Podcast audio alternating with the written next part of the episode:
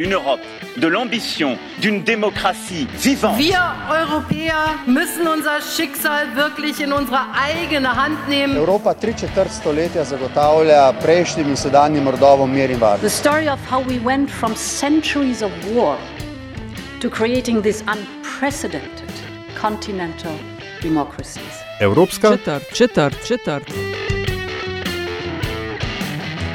Wir haben eine klare Idee einer Kanzlerschaft für Deutschland.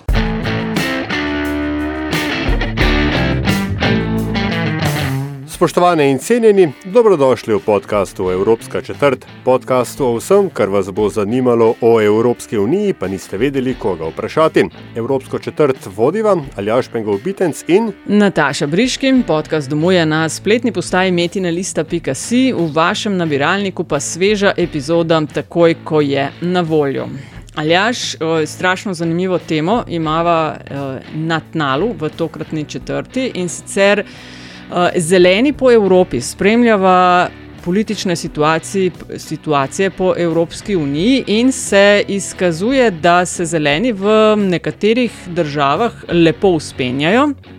Tega, kar pa je zadnje čase videti v Nemčiji, pa ne vem, če smo kje že videli. Namreč imajo septembra volitve, ne? In na javnomnenjskih raziskavah so tam nekje pri 25 odstotkih sami prvi na vrhu. Ne? Tako je. Ne? Nem, v Nemčiji so zeleni sicer nekoč že bili v vladi, takrat, ko je bil zunanji minister legendarni Joška Fischer, je pa mislim, da so prvič zdaj v poziciji, ko lahko dejansko, mora biti, če se stvari prav postavijo, računajo na kanclersko pozicijo. In zato, da uh, bi raz, razstavila vse te stvari v prav faktorje in jih razumela, sva poklicala v um, brlog te zveri v Berlin, kjer je uh, Polona Fjauž, dopisnica uh, TV Slovenija, RTV Slovenija, Polona Zdravo. Ja, lepo zdrav iz Zdravo, Berlina. Polona. Zdravo. Uh, mogoče najprej, uh, vendarle, um, ker se spodobi vprašati v teh časih, uh, kako gre Nemčiji z pandemijo. Ja, Nemčiji gre relativno dobro s pandemijo, oziroma njih zanimajo številke, njih zanima to, da niso imeli posnetkov iz Bergama, da se ni dogajala triaža v bolnišnicah. E, ostalo se mi zdi, da je nekako v drugem planu. Tako da tukaj to odpiranje, ki smo mu priča, pa vso drugot po Evropi poteka bistveno počasneje. E, za vse so potrebni hitri testi, torej testiramo se praktično vsak dan. E, restauracije so se odprle, zdaj tukaj v Berlinu. Um, prejšnji petek se da sedeti zunaj, uh, tudi bari, uh, šole so še zmeraj le delno, torej pouk poteka le delno, uh, za trgovine večje so še zmeraj potrebni hitri testi, za kakršne koli dogodke, za kamorkoli, torej tudi za restauracije je potreben negativni test. Tako da Nemci so še zmeraj zelo previdni, uh, cepljenje poteka pa pač nekoliko počasneje, kot so si zamislili. Skratka, nemška previdnost, nemška birokracija, vsemu temu smo zdaj priča nekako um, v dvojni ali pa trojni meri. Mm, hvala za ta update, Polona. Zanimivo me bo pa v nadaljevanju tudi eh, en update v zvezi z uh, Die Grünen, ne, zelenimi v Nemčiji. To je bila stranka, ki je bila včasih na obrobju z mehko podporo, danes pa je videti, vsaj po javnomnenjskih raziskavah, uh, veliki igralec. Uh, a lahko tako nekako povzameš, zakaj se zauzemajo, oziroma kaj so naredili, da so danes, kjer so. Ja, tako je, ko so nastali oni leta 1980. So bili v bistvu antistrankarska stranka, torej neki idealisti, uh, mešanica celo komunistov, kristijanov, dobrih ljudi, bi lahko rekli, borcev za pravičnost, za boljši svet, brez vojn, brez jedrske energije, proti industriji, proti sistemu. Um, Če bi morda takrat nekdo, tudi Joški Fišerju, rekel, da, bo, eh, da bodo zeleni nekoč imeli kanclerskega kandidata, zagotovo ne bi noben um, verjel. Um, Še zdaj torej obstaja ta obrobni del stranke, ki še zmeraj sodeluje tudi z antifašisti in ostalimi skrajno levičarskimi skupinami. Prej si Nataša omenila Joško Fišerja, ja, spomnimo se ga iz Bundestaga, takrat je bil sredi 80-ih v kavbojkah, kasneje je sicer postal zunani minister, res legendarn, legendarni. Ampak um, tudi na prejšnjih volitvah parlamentarnih, torej septembra 2017, so zeleni prejeli 8,9 odstotka glasov. Torej, oni so še zmeraj najmanjša stranka v parlamentu, tega ne smemo pozabiti. In letos so prvič, torej stranka, ki se pripravlja na volitve, zeleni so prvič v zgodovini izbrali kancersko kandidatko. In prvič imajo realne možnosti, ja, da to tudi dobijo. Torej, um, preobrat, bi rekla, se je zgodil leta 2018, ko sta vodenje stranke prevzela Annalina Berbok, ki je zdaj kandidatka za kancerko, in pa Robert Habek. Zeleni imajo zmeraj dvojec, ki vodi uh, njihovo stranko. In oba sta sredinska, torej rekli bi mainstream politika. Um, In um, nekako sta razširila spekter tem, ki so jih zeleni do takrat nagovarjali, oziroma pri tem sta postala bolj glasna. Um, že prej so se seveda zeleni zauzemali tudi za socialno pravičnost, poleg zaščite okolja, ampak ona dva sta naredila te teme pomembnejše. Um, Seveda tudi pandemija jim gre na roko, ljudje so neveličali, verjamejo, da bi zeleni, kdorkoli drug to izpeljal bolje, um, želijo si ven iz um, teh ukrepov. In um, čeprav je podpora ukrepom v Nemčiji zaradi te konsistentnosti in komuniciranja z javnostjo še vedno dokaj visoka, ampak um, vzpon nekako je logičen tudi glede na razmere v ostalih strankah. Vidimo, socialdemokrati so bili prisiljeni po prejšnjih volitvah, da gredo vlado s CDU, ne znajdejo se tukaj najbolje, svoje agende nekako ne skomunicirajo, dosegajo stvari, za katere se zauzemajo, ampak za vse nekako si zasluge jemlje Merklova in CDU. Po drugi strani je CDU, 16 let so na oblasti, naveličanost je. Poleg tega jih zdaj preveva ta afera z maskami, njihova. Ne vem, tudi morala nekako tone. In um, zdaj tukaj pride noter stranka zelenih, ki je nekoč nasprotovala vsemu, danes pa kaže voljo do moči, tudi na ta ničejanski način, mogoče, no, ampak ne na ta brezramen, ampak nekako s to mehko močjo.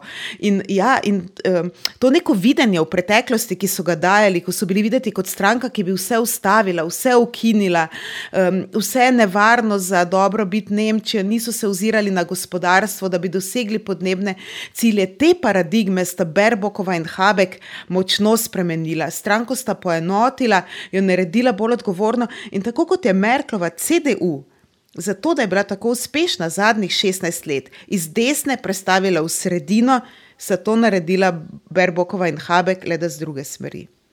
Um, zdaj, ta zeleni val ne, je že stvar, o kateri se po Evropi že nekaj časa govori. Uh, sploh zanimivo je bilo, me boš popravila, čez, ker se bom verjetno datumsko um, zeznil, ampak uh, na zadnjih državnih volitvah na Bavarskem, kjer so se vsi bali premika voljivcev v skrajno desno proti AFD-ju, se je potem izkazalo, da so te nezadovoljni, pa vendar še aktivni voljivci šli prav k zelenim in je to nekako napovedovalo, ne, ta, ta premik v, da moramo temu reči, post-politično um, volivno izbiro.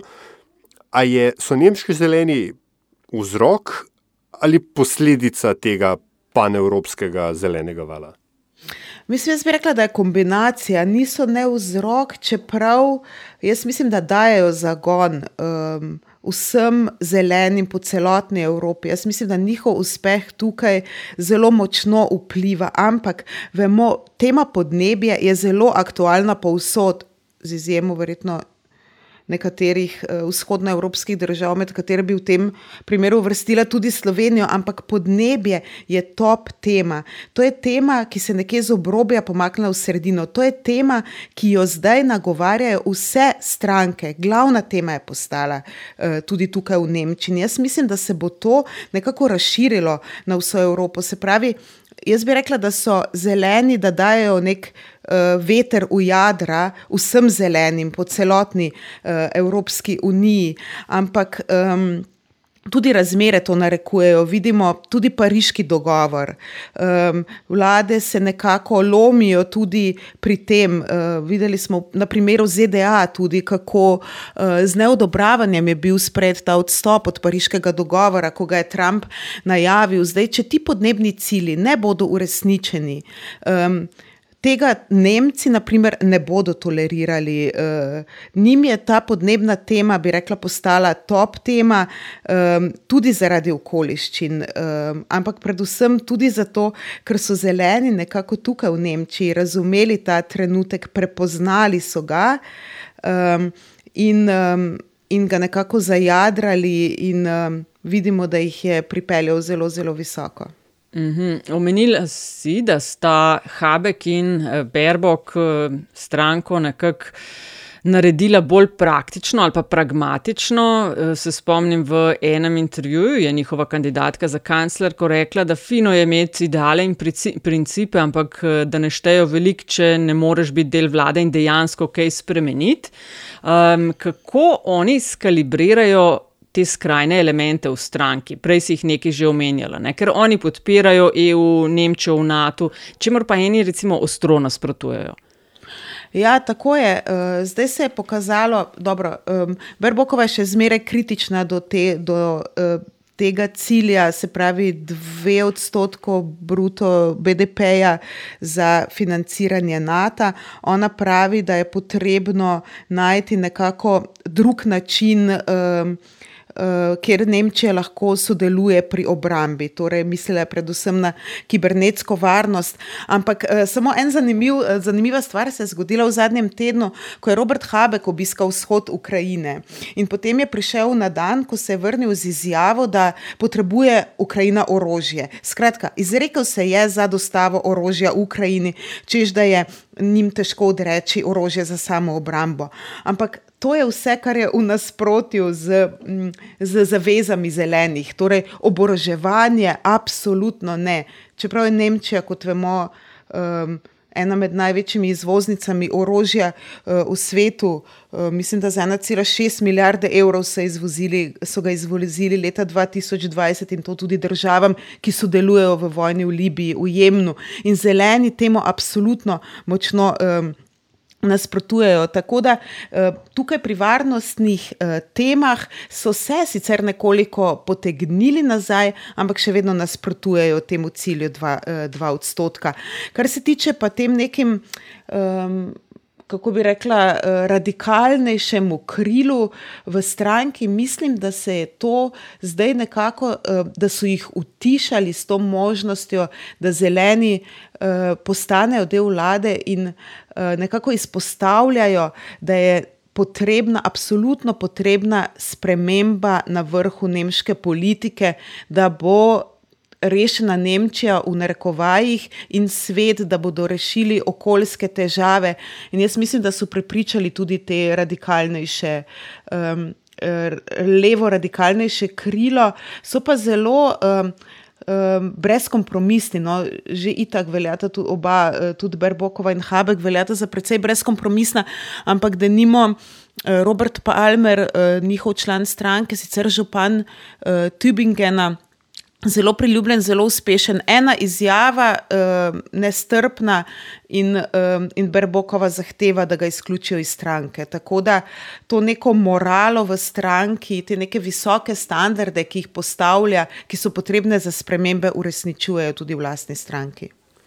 Zdaj, Nemčija je pogosto neke vrste um, polje eksperimentov političnih. Ne? Na neki točki so bili pirati dejansko um, politična sila, pa so se potem ravno pri vprašanjih, ki se ne dotikajo direktno njihovega razloga za obstoj, so se potem razpadli.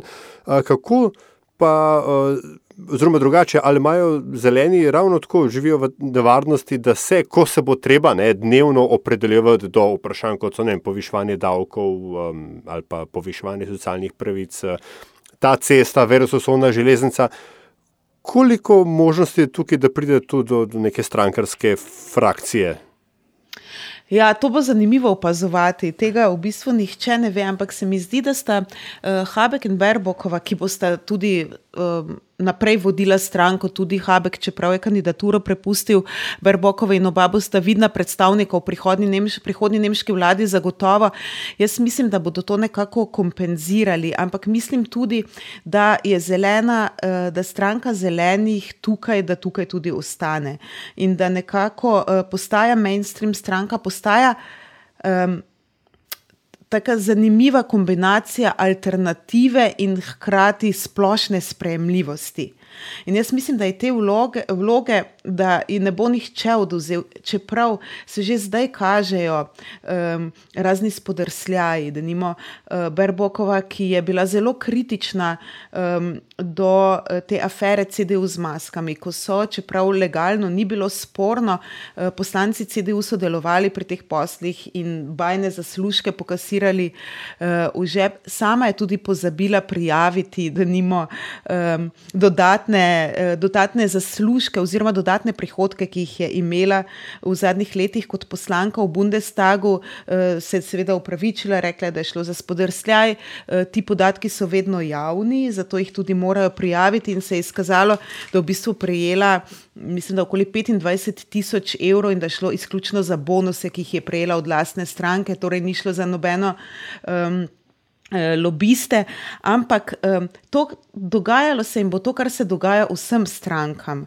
Eh, ko prideš na oblast, si veliko bolj pod drobnogledom, veliko bolj pazijo na korak vsakega tvojega poslanca in vsega seveda ne morejo nadzirati ampak um, rekla bi, da nekako postavljajo nove standarde in rekla bi, da bodo zelo, uh, da bodo bistveno bolj strogi in brezkompromisni in manj tolerantni do kakršnih koli spodrsljajev katerega koli od svojih članov in da bi lahko um, postavili nove standarde tudi v nemški politiki, kjer so v primerjavi z nekaterimi drugimi zelo visoki, ampak eh, lobizmu se CDU, torej Krščanska demokratska stranka, nekako eh, nikoli ni mogla povsem odpovedati in zeleni bi tukaj lahko postali, postavili nekako nove temelje.